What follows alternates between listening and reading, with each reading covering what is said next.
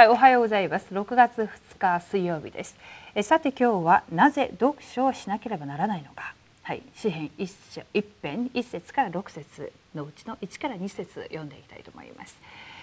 え幸いなことよ、悪者の計りごとに歩まず、罪人の道に立たず、あざける者の座につかなかったその人。まことにその人は主の教えを喜びとし、昼も夜もその教えを口ずさむ。はい。木が水路のそばに根を下ろすと良い実を結ぶように幼い時に根を下ろして刻印されたことは一生を左右します。そのため心の中に何が根を下ろすかがとても重要です。今から福音の中で自分を振り返り小さなことから実践すると神様が一つの時代を任せる祝福を与えられます。その小さな習慣の中の一つがまさに読書です。それならば読書はなぜしなければならないのでしょうか？え今はですね電動車道7つの生活っていうことで今非常に今日の御言葉今日の伝道今日の祈りそしてその他に聖書を、えまたどれだけ読んでいるのかそしてまた読書はどうか運動はどうかっていうことでこの7つの習慣これはまあ伝道者の生き方っていうことで非常に今伝道合宿伝道専門訓練で今その訓練をさせているんですけれども、えー、この習慣というものは非常に重要なんですがいろんな習慣があるんですが特にこの読書をする習慣は非常に私たちにとって必要で重要な部分であります。読書をすることで集中力もまあ高まるのは同じですし読書しなくてはならない理由はもう十分に皆さんの方がよく、えー、承知していると思います。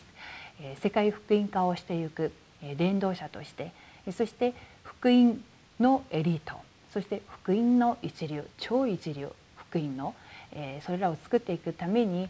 えー、本当にこれは必ず必要となる部分の一つですので今日また祈りの手帳を通して皆さんが読書の祝福を受けていただきたいと思います。えさて1番です。読書は勉強する習慣読書をよくする子どもたちのほとんどは勉強もよくできます幼い時に読書をする習慣を持つと勉強をよくするようになります。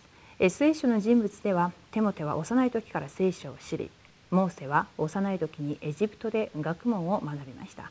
そしてダビデは幼い時に文を書きながら神様を褒めたたえパウロも幼い時にエリート教育を受けました。このように読書は勉強する習慣であり重要なものです。はい。では大きな2番です。読書は黙想の始まり。読書は黙想の始まりです。読書をすると多くを考え多くの考えをするようになりそれを通して黙想することができます。ダビデは主の教えを喜びとして昼も夜もそれを口ずさみました。はい。じゃあ3番です。読書は出会いを味わうこと。読書は過ぎ去った時代の人遠くにいる人知らない人などに出会う道になります。また読書を通して限りないインターンシップができて知らない分野も知ることができます。はい、4番です。読書は癒す道。気が散ったり霊的な問題がある人は読書が難しいのですが、彼らには癒しが必要です。読書は癒しがな癒しがなされる道になったりもします。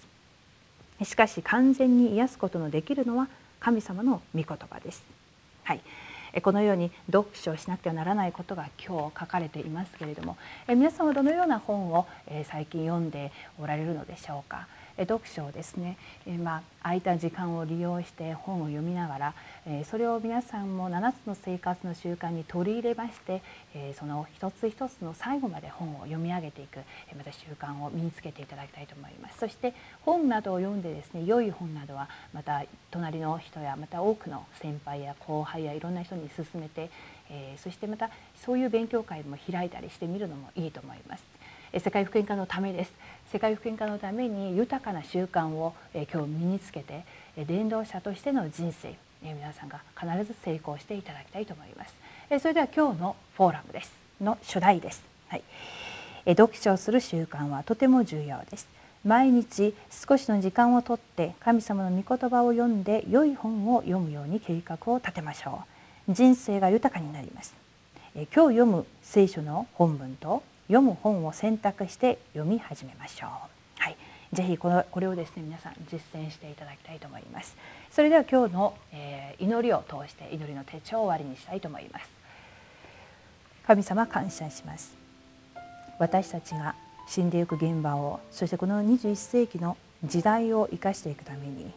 私たちが日頃失っていたそして忘れていたまた欠けている7つの習慣の部分これから身につけて未来のために備えていかなくてはなりません。